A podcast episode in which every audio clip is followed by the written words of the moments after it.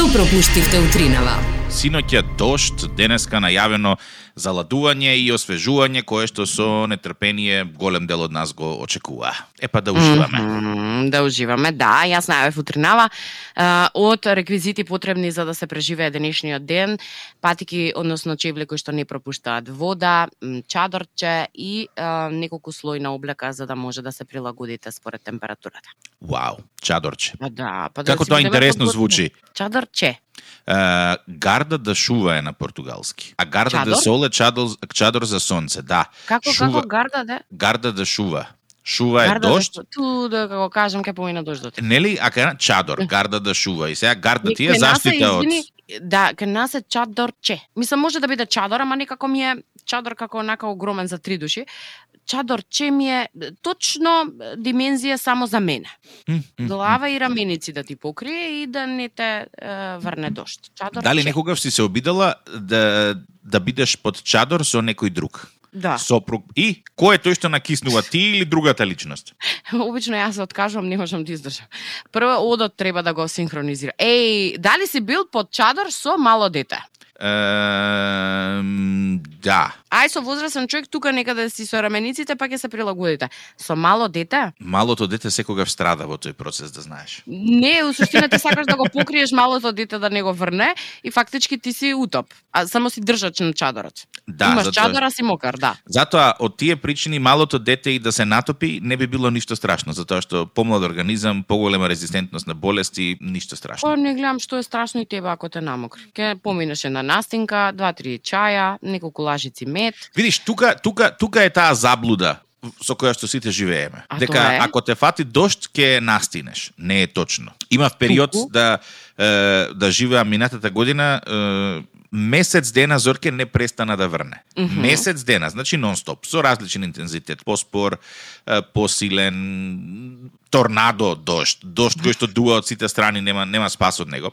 И што Мгм. решив? Првите два дена викам ќе чекам да преврне. Третиот ден викам ова нема абер да преврне. Четвртиот ден психички собирам сила ќе излезам. Петтиот ден излегувам и тука веќе ја кршиш таа психичка бариера против Мгм. дождот и после петтиот ден си тераш business as usual. Што значи ќе си најдеш начин да го прифатиш дождот. И што заклучив? Дожд со топличка температура е прифатлив. Дожд Мгм. е, со ладно време апсолутно неприфатлив. Ова што го има во Скопје во ноември и октомври со дождот е тоа е нешто што не би сакал да го кркам. Ама тропски дождец во секое време. Да, ама тешкото е после од кога ќе заврши тропскиот дождат, заради тоа што се уште е топло и дополнително потопло е од проста причина што испарува, нели, е, тоа што станало на асфалтот и, и е неподносливо за дишење. Ама дошт како дошт јас па многу го сакам. Зошто Мм. и треба на природата, и ни треба и на нас понекогаш дошт. Е сега лошо е кога е, недела ќе ти се падне во понеделник дождлива недела, тоа малку тука со плановите не не штима, ама генерално па и тоа треба. Ама што е тука е? Освежување Мгм. конечно. Е, 8 и 11 е тик-так и Зорка сме на Facebook и на Instagram. Благодарам за сите коментари. Огромен поздрав до Милица од Охрид, која што редовно не слуша и ужива во нашата програма. Милица, ти благодарам, ти посакувам уште многу многу од нашите емисии. Е, Имаме уште една порака од слушател која што сакаме да ја споделиме за кратко. Стани на Радио 2. Добро утро. Добро утро. пред две недели од прилика почнавме една е, нова акција со цел да се зближиме поблиску до слушателите. Насловот на таа акција беше сподели што те мачи со Тик-так и Зорка во обид ние и цела Македонија да го одговориме твоето прашање или дилема, а се со цел подобрување на севкупното ментално здравје во државава. И Така стаса е. една порака на Facebook. Вели прашање до Тик-так и Зорка. А, имам голем проблем и ве молам за искрен совет. Ајде. Веќе половина година девојка ми чудно се однесува. Кога и да сме заедно, шепоти додека разговара на мобилен. Примените пораки веднаш ги брише и не ми дозволува да ги читам. Мгм. Кога ќе излезе во град, се враќа касно и ми кажува дека била со пријателки кои не ги познавам. М, Мгм. Не го користи својот автомобил, туку зема такси. Оп, оп, оп, оп, оп. На враќање дома, наводниот таксист не ја остава пред зграда, туку стотина метри подоле на улица. Мгм. И вели, Бидејќи тоа ми стана сомнително, решив да се уверам дали на вистина си доаѓа со такси или некој друг ја носи. Смислив да го паркирам мојот автомобил во близина на местото каде што обично излегува од таксито и скрием позади автомобилот да се уверам во тоа. Една ног, додека седев скриен позади автомобилот, приметив дека се појавила корозија на задното десно крило и не знам што е подобро. Дали да го заменам целото крило или е доволно да ја истругам мрѓата, да премачкам со шприц кит и сето тоа фино да го офарбам. Зорке, твое мислење? Па, ја би да го смени целото крило, ама еве отворени сме за толкување, твоето размислување на TikTok и Зорка, на Facebook или на Instagram, да му помогнеме на овој напатен човек да го реши целиот случај. Добро утро. Зборувавме на тема проблеми и автомобили и токму во таа насока би сакала и следново нешто ам, да ви го раскажам. Не знам дали знаеш, но при пониски брзини, оние кои што поседуваат силиконски гради можат во значителна мера да ја намалат опасноста од повреда при судир со автомобил. До тоа сознание доведе на Вау. студија која што ја спроведува на ученици во Соединетите Американски држави, доколку се вози побрзо, пак резултатите се сосем различни. Па да, да, види, силиконите очигледно до одредена брзина може да заменат Па како воздушно перниче дополнително на перниче, да. Да. А при Заради големи тоа брзини ни Ништо не може да спаси. Да. саглам перниче А, не може да те да те спаси. Значи, не знам колку знаеш, ама најчесто на 20 км на час на одредени автомобили е наместено да се активира перничето. Да речеме дека 20. О, Вау. да, Малце. да речеме де, е па да. Да речеме дека возиш, возиш, нели, подзакочуваш и некој позади. Ти прави. И сега ако немаш појас, нели, прво нешто што правиш, се набиваш со со градниот кош во е, во Воланот. воланот. Е сега нели ако е побрз ударот и повеќе. Сега ова е нешто кое што можеш да го контролираш. Ама си замислуваш дека имаш силикони да речеме и ќе удриш во нив. Е сега, ако е поголема брзината, не е баш толку фино. Види, ова, ако е на вистина така, очигледно дека е така што научно да го докажале, може да биде огромна предност при полагање на возачки испит, да кажеме, нели? Например? Е, 10 негативни поени имаш, така? И Да, со тие паѓаш. паѓаш. Значи, Мгм. 10 пати ако направиш грешка во за време на тестот, ти паѓаш. А, не. Не 10 пати, тоа ти се три прашања по три поени. Имаш прашање со 5 поени и со 7 и со не знам како А беа, ги забравила. практичниот колку поени е? Па тоа е со практичниот дел. А ако А- изгрешиш една вежба, Не, не, зборувам ако веќе- годиш на полигон да возиш, пред испитна комисија. Четири вежби имаш, ако не се лажам, и сега секој прекршок, односно секоја е, секоја е различна грешка, веројатно одзема различен е, Ама битно ми 10 негативни поени и со 10 негативни се паѓа, така? Мислам, не сум сигурна за практичниот дел. За за прашањето сум сигурна дека 10 поени негативни те делат од полагање. И сега што се случува? Секој кој што има силикони, како safety feature plus, на тие 10 поени добива плюс 5 позитивни поени. Аха, значи, а вие воздушна пернича си носам, си ги имам. Да, и оп, автоматски плюс, значи ако со минус 10 се паѓа, е сега, М. пошто си овие со минус 15, да. Аха, значи ти имаш бонус на тие 10, да речеме, и сега Да. ако имаш 10, фактички се рачуна како да имаш 5 затоа што си носиш две воздушни перничиња. Да, и решен проблем. И Аха. волкот сити овците на број. А што правиме со мажите? Е, сега види, очекувам тренд некој да се појави кај мажите во пределот на устата. Е сега ќе треба да се направи истражување ботоксот како реагира во вакви дадени ситуации, Па меѓутоа нели реагира, не можеш да направиш гримаса на уплашеност.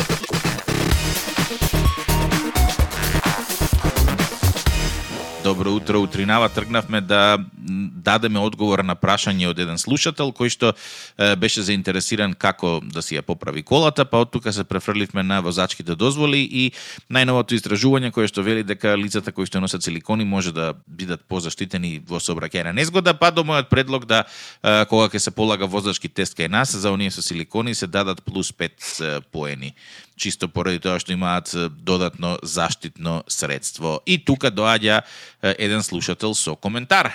Вели прашање на темата со силиконите, дали доколку понатаму во животот особата ги извади силиконите, ќе треба да преполага возачки испит. Одговорот на ова прашање, почитуван слушателу, е многу едноставен. Доколку е, го положи испитот со помош на тие пет поени кои што силиконите ги носат, се разбира дека ќе треба да преполага. Ако си го положи без да ги искористи тие пет поени бонус, нема потреба од преполагање. И волкот сите и овците на број ми се чини. Да, да.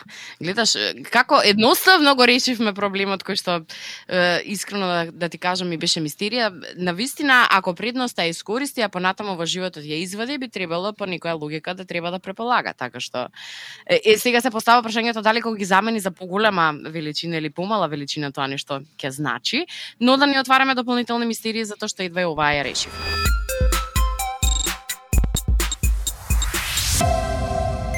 Е, сега малку на неубавите вести, или кој како ќе си ја свати веста.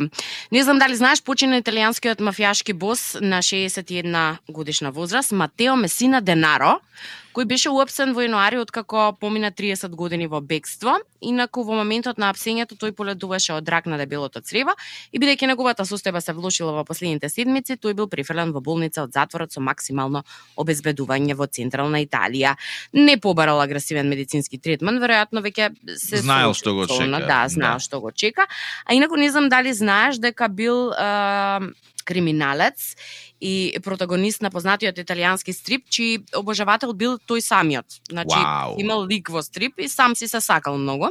Инаку шест пати поред бил осуден на доживотен затвор. Е, како така за- шест пати поред до животно те судат? Е, Како па шест шест пати? животи ако живееш, да, мислам, или веројатно се потврдува одлуката на доживотен затвор и за другите дела, со максимално обезбедување и е, таму си продолжил со лекувањето. Мене една работа одма ми влезе во увозорке. Добро.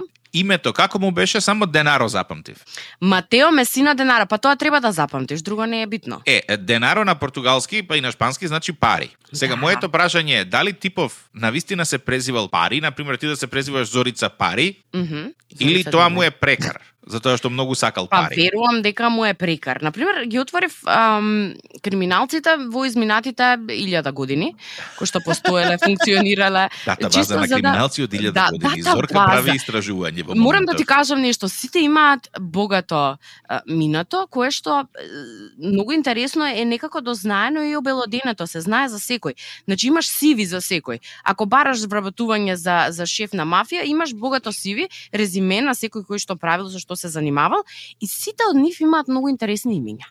Например, Например. Джеймс Бади Меклин. Неверојатно криел тела овој. Мгм. А Питер One Eye Pit Готи Е, Петар со едното око. Добро. или Мухамед Абди Биг Маут Хасан. Овој многу многу муавет правил, трачара, Мара А, трачара. Може а, а, да, да, да, Радио Мара.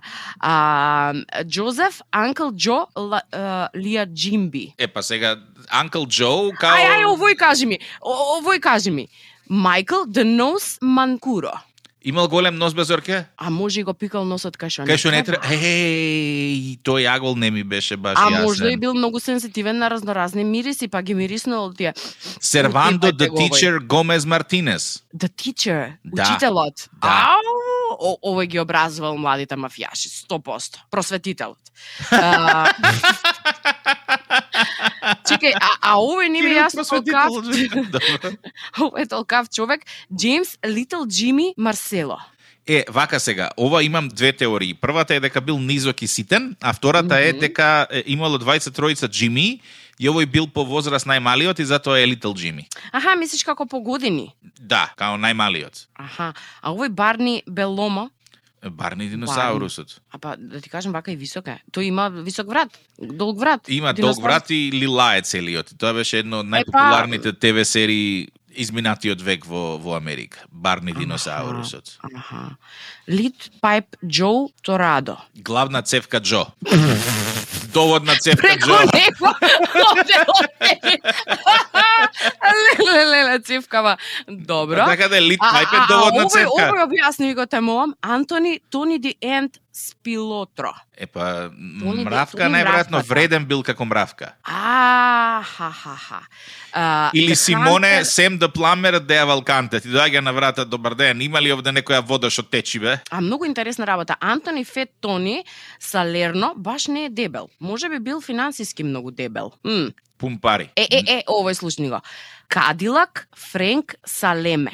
Е, се возил у Кадилак цело време. Може му била омилена, омилена Кое, кое би било типично име за македонски Леле, леле, мафијаш? леле, леле, еве ти, еве ти еден од, е, вели, од тогашна Југославија. Бошко да Југо Радончич. Да Југо. Жими све да Југо пишува. Не, не, не лажам, еве, отворете листата на криминалци. Бошко да Југо, од Србија е типов, Радончич. Да? Ова, ова има две можни насоки во кои што може да се движи. Прво, бидејќи од Југославија скратено го викале да Југо, да Југослав, а може би и возел Југо Зорке. Можно е. Како ти би се викал мафијашки? Тик-так да фича? Дон Тиктакос. Дон тик-такос. Доназорка. Не затвара уста. Не знам. Не, не сум ти јас, не сум ти јас за мафијашки филмови од проста причина што ќе ми кажат пет шест тајни или ќе ги заборавам во најдобра варијанта, во друга варијанта ќе ги изблебетам на сите страни и толку ќе заврши мојот бизнис. Ќе се пофалам што сум направила и што ми се случило и толку ќе отидам неславно. Не сум јас за овој бизнис.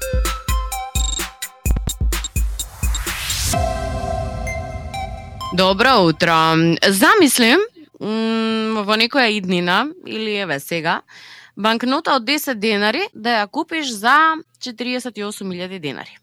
Па, постојат банкноти кои што се со колекторска вредност во наводници, кои што се продаваат за, за многу пари, ама 10 э, денари за 448.000 денари, малку ми е нереално. Тоа е многу, многу повеќе од вредноста на, на самата пара. Е, да си ми здрав и жив. Ретка банкнота од 10.000 американски долари во периодот по колапсот на Њујоршката берза пред 100 години е продадена за 480.000 долари на аукција, објави CNN. Зошто? Е, зошто?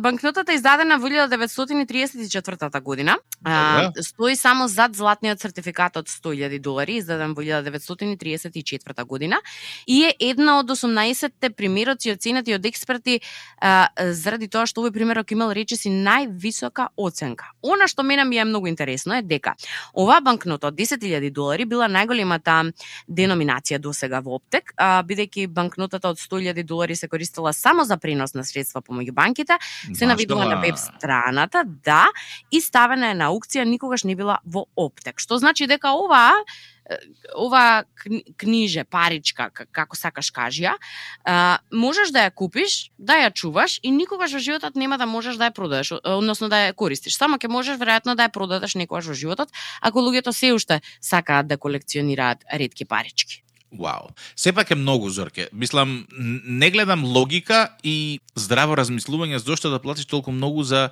нешто што вреди многу помалку од тоа што си го платил. Пази, на тема колекционирство, најдалеку сум отишла кога собиравме различни салфетки таму, второ, трето оделение. И колку плати за најбараната салфетка? Секако дека не платив, туку се разменувавме. Јас ќе ти дадам две, ти ќе ми дадеш една што е ретка, да речеме што е нема. И на времето не нарачував како сега магнети донесете ми од кај ќе одите, туку донесете ми салфетки, кај нас немаше такви салфетки. Чекај, сериозно, вие фискални не издававте, размена на добра правевте? На какви фискални? И како тогаш на државата да ја дадам крајчето од салфетката?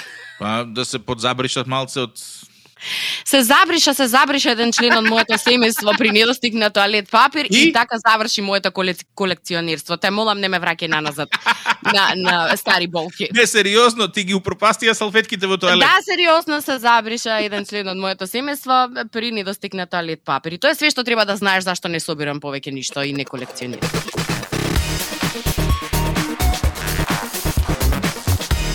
Како сладко се изнасмеа, ајде. Ми текна на нешто со се матрето, не не слободно продолжи. Добро. Добро, ако веќе трг, тргнавме да се подсетуваме на работи, денеска се навршуваат две години како македонски полицајци беа фатени со дрога под седиште на граница со Црна Гора. Ако го заборавивте овој настан, јас сум тука да ве подсетам. точно две години, Да, на 23 сеп- денешен ден. на вчерашен 23 20 Ја мислам дека овој 23. податок треба да биде запишен во Википедија. Кога ќе читаш за години и години на денешен ден 1000 не 2021 па и така натаму нели со целото објаснување. Зошто вакви работи нема на Википедија? Туку само кој се родил, кој умрел и нешто ептен ептен важно. м, Ја би сакала да што- направам Википедија кај што ќе пишуваме вакви работи. Па сега, ајде, еве, овие се работи кои што исто така треба да се запамтат. И рачуне да. дека 30 на години од денеска ќе се вртат овие наши писанија секаде каде што може да се вртат, нели она деновите пред години на 30 денешен години, ден. 40 години од сега, кој знае кои ќе бидат радиоводители, некои наши поколенија или или внуци на внуци, и ќе прават моите е на времето таа и таа година гледаш ка, исто како што ние го правиме сега муабетов за нешто друго.